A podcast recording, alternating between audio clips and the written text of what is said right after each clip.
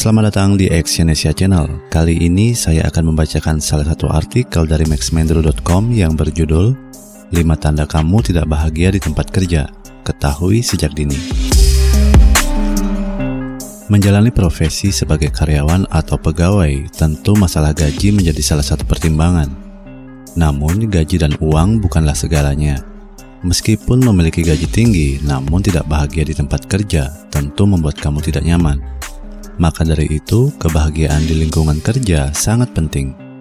Karena ketika kamu bekerja dalam keadaan bahagia, maka kerja pasti akan terasa ringan dan penuh semangat.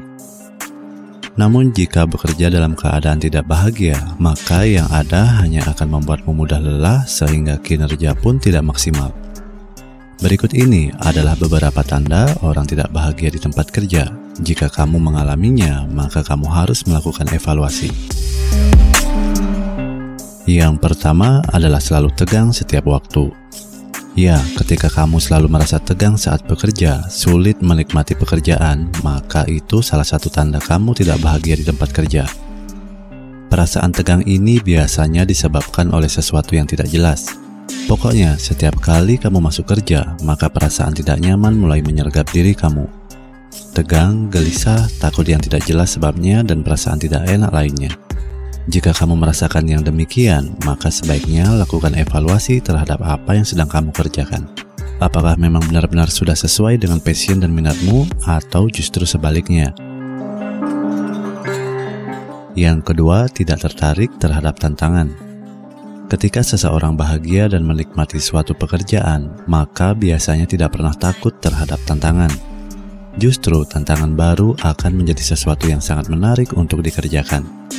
Sebaliknya, jika seorang sama sekali tidak tertarik terhadap tantangan atau justru takut menghadapinya, bisa jadi orang itu sangat tidak bahagia di tempat kerja. Karena tidak bahagia di tempat kerja akan membuat semuanya menjadi membosankan dan seperti ingin segera mengakhiri aktivitas kerja. Jika sudah demikian, maka kinerja kamu tidak akan pernah maksimal. Yang ketiga, mudah bosan dalam bekerja. Karena sudah tidak tertarik dengan tantangan, maka kamu cenderung akan mudah bosan. Ketika kamu menyelesaikan satu proyek, seharusnya kamu bisa mengerjakan proyek selanjutnya yang lebih besar. Namun, karena kamu sudah tidak merasa ada yang membuatmu tertantang, maka kamu akan bosan. Nah, kebosanan ini semakin lama akan semakin mudah menghinggapimu yang tentunya pada akhirnya kamu akan sampai juga pada titik kulminasi yang ujung-ujungnya akan membuatmu tidak nyaman sehingga tidak bisa menemukan kebahagiaan dalam bekerja. Yang keempat, merasa iri dengan teman. Bukan iri pada teman sekantor, namun perasaan iri ini justru tertuju pada teman-teman kamu yang bekerja di tempat lain. Kamu sering merasa iri dengan melihat foto teman kamu yang sedang berbahagia dengan kolega bisnisnya atau dengan siapa pun.